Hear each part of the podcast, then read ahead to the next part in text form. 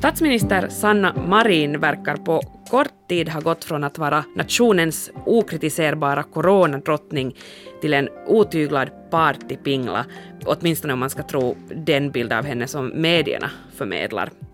Skvallertidningen Seiska har lanserat begreppet Bile-Sanna, som nu verkar ha hittat sin väg också till folkets mun, även om smeknamnet mest kanske ändå används med glimten i ögat. Jenny Stenberg Sirén, en hurdan bild har du just nu av vår statsminister? Min bild av henne är att hon är vår statsminister och definitivt ingen partyprinsessa. Och jag tycker att det är ganska oansvarigt av medierna att använda sådana begrepp. Du är Jenny Stenberg Sirén, alltså medieforskare och universitetslektor i journalistik vid Svenska social och kommunalhögskolan.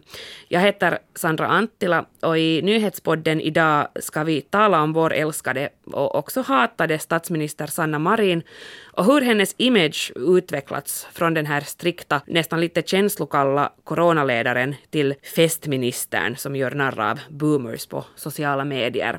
Och nu karikerar jag ju lite, men visst har det skett en ändring i, i hur hon porträtteras i medierna, eller vad säger du, Jenny? Det som du sa där var väldigt viktigt, hur hon porträtteras i medierna. Det är ju alltså medierna som väljer vad de lyfter upp och hur de väljer att beskriva henne. Och då är det viktigt att komma ihåg att medierna har ganska olika linjer när det gäller det här. Och därför finns det inte heller en bild av statsministern, utan det finns väldigt många olika bilder, lite beroende på vilka medier man följer med. Men, men det stämmer att, att sådär generellt sett, om man nu kan lite sådär generalisera, så, så har bilden gått från att hon var den här, då i början av coronakrisen, den här lugna, sakliga, auktoritativa ledaren som berättar för oss hur vi skulle klara av eh, den här stora krisen som vi, som vi då stod inför. Till att nu har hon gått till att vara mera en, en vanlig politiker som har också fel och brister på ett annat sätt. Och medierna bevakar henne på ett lite annorlunda sätt nu än, än då i början. Mm. Den stora snackisen just nu är ju Sanna Marins så kallade festhelg, då hon alltså var ute på krog efter att ha exponerats. Och man har knappast kunnat riktigt undvika åsikter och skriverier på det här ämnet, eh, så jag är nyfiken på vad du, Jenny, tycker om hela det här debaclet. Mm, det har minsann väckt mycket diskussioner uttryckligen i medierna. Um, och det, till vissa delar är det helt befogat också. Naturligtvis så ska, ska statsministern granska så det hon gör har en stor symbolisk betydelse också. Det jag kanske protesterar mot är just den här titeln som hon fick här också, festprinsessa eller Bille Sanna eller något sånt här. För att det är inte det där festande som är problemet det får hon göra precis hur mycket hon vill. Det som är problemet är, är den här signalen som det skickat. Hon gjorde det just nu, när samhälle i övrigt går mot, mot större nedskärningar och så vidare, trots att eh, hon har coronapass och så vidare. Men det, där, det som är riktigt intressant är ju det här då att hon, hon hade fått veta om att hon hade blivit utsatt för, eller varit i närheten av någon som var då smittad av, av coronaviruset. Och att hon då inte fattade att hon borde kanske ha gått hem i det skedet, trots att hon fick instruktioner om att det inte föranleder några, några åtgärder. Så, så det borde hon ha förstått. Och sen då hela den här diskussionen om, om telefonerna och det ena var hemma och så vidare. Att det här är ju det som ur en mer samhällelig synvinkel är, är det relevanta. Och det ska diskuteras. Statsministerns roll, de här högsta politikerna. Um, systemet kring dem, hur de fungerar. Eh, det såg vi också i samband med den här frukostskandalen, om vi vill kalla det då så, här tidigare, där hon fick instruktioner och statsrådskansliet hade tolkat saker på ett visst sätt. Och hon följde de instruktionerna. Nu följde hon också instruktioner hon fick. Men, med det här synliggör liksom de här strukturerna och rutinerna bakom den här institutionen. Och det tycker jag är jätteintressant. Men sen om man frågar andra politiker så verkar kritiken inte vara så där hemskt hård. Att, att, ja, att många håller med, att det inte har gått helt som på Strömsö. Men det har inte blivit någon desto större liksom, politisk skandal av det här. Så då funderar man ju på att är det då just bara medierna som på något sätt försöker göra en höna av en fjäder? No, många politiker kanske upplever att de inte behöver göra det här till någon skandal för att medierna sköter den saken alldeles bra själva. Um, Nej, kanske, det är ju en bra poäng faktiskt. ja. vi har kanske inte sett slutet på det här ännu, men det är ju mera den här liksom moraliska äh, principen hon har brutit mot. Att hon har ju följt i princip THLs instruktioner, även om då, då statsrådet har lite striktare regler. Men, men det där jag tror att många är rädda för att kasta sten i glashus nog på, den här, på det här sättet. Att det som ju är det här moraliska uttrycklingen när det gäller henne, så jag tror att folk reagerar på det här att hon börjar med att vara den här kvinnan vi kunde lita på. Det var hon som berättade för oss att hur, hur landet ska ta sig ur den här krisen. Och hon var den här liksom fasta punkten. Och när hon gör någonting som lite gör att den här bilden krackelerar, så då reagerar folk med känslorna. Och, och, och liksom känner att nu kan de inte kanske riktigt fullt lita på, på den här personen mer. Och därför väcker det här så mycket diskussion. Mm, och kanske vi också just vill ha någon som vi kan lita på i, i all den här coronatröttheten. Och, och jag åtminstone börjar ju vara ganska matt på det, säkert alla andra också. Absolut, det är väldigt viktigt med sådana här ledarfigurer, speciellt under en kris. Men den här krisen har varit väldigt långdragen nu. Och, och igen så har vi kommit in i ett, ett skede med mera nedstängningar, då vi kanske redan trodde att vi skulle börja vara ur det. Så att man vill gärna prata om någonting annat. Jo. Eh, nu kan vi prata lite om någonting annat. Eh, om vi blickar bakåt på hurdan image Sanna Marin har haft tidigare och, och hurdan den är nu. Så nåjo, i och för sig slipper vi inte coronadiskussionen här heller eftersom Marin ju knappt hade hunnit bli statsminister när, när coronapandemin slog till. Och, och som vi ju nu vet så omvälvde den precis allt. Hur tror du att just den här i allra högsta grad exceptionella situationen påverkar Sanna Marins entré till den stora politiska scenen? Väldigt mycket. Det påverkar ju både hennes bild, eller bilden av henne och hennes egen kommunikationsstrategi. Men också förstås hennes uppdrag. Att det här blev ju hennes huvudsakliga uppdrag. Och, och det var ganska, förstås väldigt jobbigt och, och tungt och, och, hon klarade det bra, tycker jag själv. Men det var samtidigt enkelt på det sättet att det här är nu det som ska jobbas med nu när inte det här coronakrisen hela tiden är aktuell, utan det kommer också andra politiska frågor med mera sådär som det vanligtvis är i samhället. Så då finns det också fler saker att, att kritisera och fler saker att, att kommunicera kring. Och då blir bilden lite mera luddig helt enkelt. Tror du att medierna då betedde sig på något annat sätt i början av pandemin? För jag menar, det var ju en exceptionell tid för precis alla. Det gjorde de ju, absolut. Äh, medierna var ju inte alls kritiska till de äh, beslut som regeringen fattade i början, utan mera tog den här rollen att nu förmedlar vi informationen som kommer. Vilket speciellt public service-medierna har ju också det uppdraget, så det, det är ganska sådär knepigt uppdrag att både förmedla äh, information, krisinformation och ha den här granskande rollen. Och där kan man ju tycka så här i efterhand att medierna kanske lite misslyckades i den här granskande rollen. Det kom nog med sen senare, men riktigt i början så, så saknades det. Och jag tror att det eller jag upplever att det kanske var en sån här att medierna också ställde upp på något sätt för att leda Finland ut ur den här krisen. Sen när det inte gick så snabbt som man hade förväntat sig och det ledde till ganska drastiska inskränkningar i folks rättigheter, så så småningom så kom mediernas granskande roll mer tydligt fram. Och, mm. och, det här, och det ser vi ju nu på många olika sätt helt enkelt. Ja, jag tänker att kanske också vi människor som jobbar inom medierna på något sätt fick sen den här jättestarka psykologiska känslan att nu är vi alla i samma båt och nu ska vi som nation och gemenskap ta oss ut ur det här. Och, och, och det är ju svårt att skilja det då helt totalt från, från det jobbet man gör. Precis, det är just så. Det kan jämföras kanske med en krigssituation på ett sätt. Ja. Eh, vad är det då nu som har ändrats? Är det, är det Marins egna beteende eller just mediernas intressen? Du sa att medierna har nu blivit bättre på att vara mer granskande och kritiska. Eller är det något annat som folket vill konsumera och ha nu? Eh, jag skulle säga att allt har ändrat från den här väldigt exceptionella situationen. Att saker har mera, ska säga, läget har mer återgått till det normala på det sättet.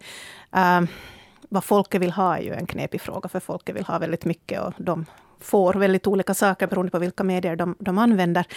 När man tittar på, på, på Sanna Marins egen kommunikation så har hon ju, hon börjar med att vara väldigt, väldigt um, distant distant på ett sätt. Eh, hon, hon var väldigt saklig, väldigt, väldigt fokuserad på, på enbart politiken och, och jobbet så att säga. Själv har hon ju nu börjat lite öppna upp sin egen personlighet genom att delta i olika mera sådana mm, livsstilsprogram och, och ge intervjuer till andra typers medier, personporträtt och så vidare. Och delvis också på sina egna sociala medier. Och det här tar ju då ska vi säga, traditionella medier fasta på väldigt mycket. Och också förstorar upplever jag. Att om man, om man ser hur den här liksom mediebilden av Sanna Marins äh, kommunikation, egen kommunikation ser ut, så, så får man liksom den här bilden av att, att hennes äh, image eller hennes, hennes äh, sätt att kommunicera ska ha förändrats väldigt mycket. Om man sen på riktigt går och tittar på hennes till exempel sociala mediekanaler, så de är inte väldigt varierande. De är väldigt lika allihopa. Eh, mycket, mycket fokus på, på helt sakliga frågor. Det finns några enstaka inlägg som är mer privata. Och, och de här har då lyfts upp väldigt mycket av så att säga, de etablerade medierna, eftersom de avviker från, från det övriga. Och därför får man en bild av att hennes kommunikationsstrategi ska ha förändrats väldigt mycket. Ja, har man, har man kanske inom medierna på något sätt blivit så jätteivrig nu när man ens får små bitar av liksom hennes privatliv och personlighet eftersom det just i början på något sätt var så eh, sak och coronafokuserat och, och, och kanske inte fanns så mycket sen att, att skriva om, om henne som person. Så kanske, ja jag vet inte, har vi blivit för ivriga? Ja, jag vet inte om det är för ivriga. Det är ju lite förstås vad man, vad man är ute efter. Eh, det här med att hon lite sådär öppnar upp sig själv som, som individ och, och sitt privatliv är ju förstås intressant. Eh, det man ju kan fråga sig då framförallt är varför hon gör det och varför det får så, så stort genomslag. Mm. Um, jag har lite ibland jämfört henne med, med, med kungligheterna i Sverige. Att hon, är liksom, hon har det här utseendet, hon är ung kvinna, snyggt klädd för det mesta och, och väldigt så här uppträder i officiella sammanhang och alltid när det då kommer någonting som är lite mer sådär privat, så då får det jättestort genomslag. Eh, att hon tar lite den där rollen på ett sätt, eh, ja. trots att just uppdraget är helt annorlunda. Jo, jag menar det var ju stora löpar överallt när hon till exempel var, var med i Vogue och det var ju lite sån här Torilla Tavataan-känsla nog att, att vi var ju ganska stolta för vår finländska statsminister som blev känd överallt i världen. Precis, och hon har ju gjort mycket för Finlandsbilden på det sättet att speciellt i internationella medier så har hon ju mycket lyfts fram som den här unga kvinnliga ledaren som leder ett land eh, som det går väldigt bra för, som har klarat då just coronapandemin väldigt bra, där det bor lyckliga människor med ett bra skolsystem och så vidare. Så på det sättet har hon ju nog en ambassadörsroll för Finland som få andra statsministrar har haft. Hur mycket kan en politiker eh, då själv kontrollera hur då hon eller han porträtteras i medierna? Väldigt lite kan man ju påverka hur medierna tolkar och, och vad de gör med de saker man går ut med. Det man ju kan styra över är ju den egna, de egna kanalerna, vilket ju det finns många av nu för tiden jämfört med, med bara för 10-20 år sedan.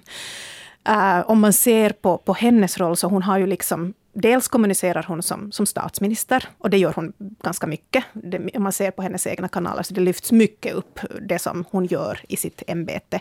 Sen är hon då partiledare, det lyfts också upp ganska mycket.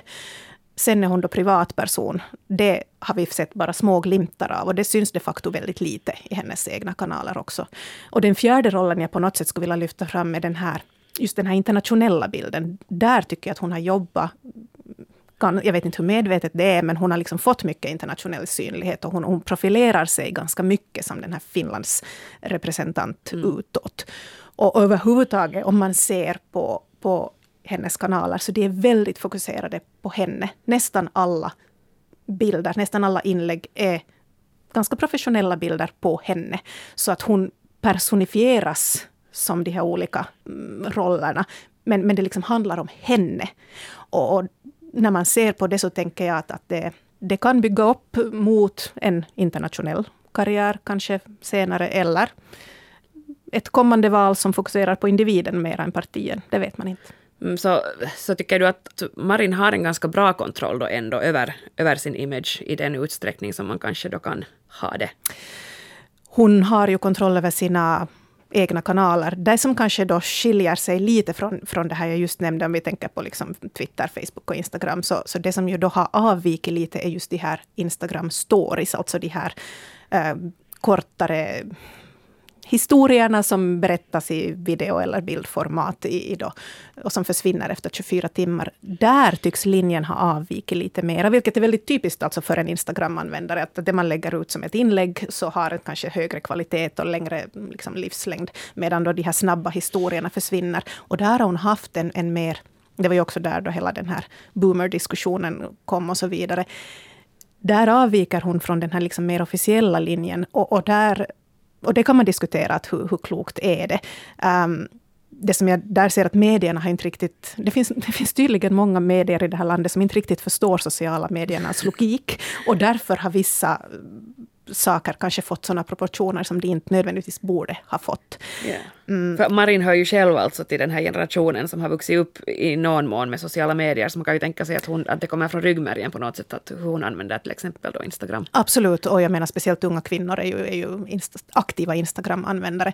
Om vi ännu avslutningsvis återgår till Marins senaste krogbesök, så är det ju många som tippar att hela den här uppståndelsen kommer att, att blåsa över ganska snabbt, säkert också delvis för att julen och, och nyår är på kommande och, och folk fokuserar på det. Eh, men hur långt minne har människor, och då medierna överlag, eh, då det handlar om, om den här typens händelser och, och diskussioner? Medierna har ju nog ett långt minne. Det ser man ju nu också, att hur det har grävts fram alla de här tidigare mm, fallen där hon har fått kritik. Så att det är ju så medielogiken fungerar. Man gräver i arkiven och lyfter fram allt som ger den här bakgrunden. Äh, människors minne är säkert kortare än, än mediernas minne, men medierna gör ju sitt bästa för att påminna oss. Så kan man nog tänka sig att trampar man i klaveret på nytt, så då dras också alla gamla misstag upp. Så är det oftast. Mm. Tack Jenny Stenberg Siren för att du var med och idka lite mediekritik här i Nyhetspodden. Mitt namn är Sandra Antila och vi hörs snart igen.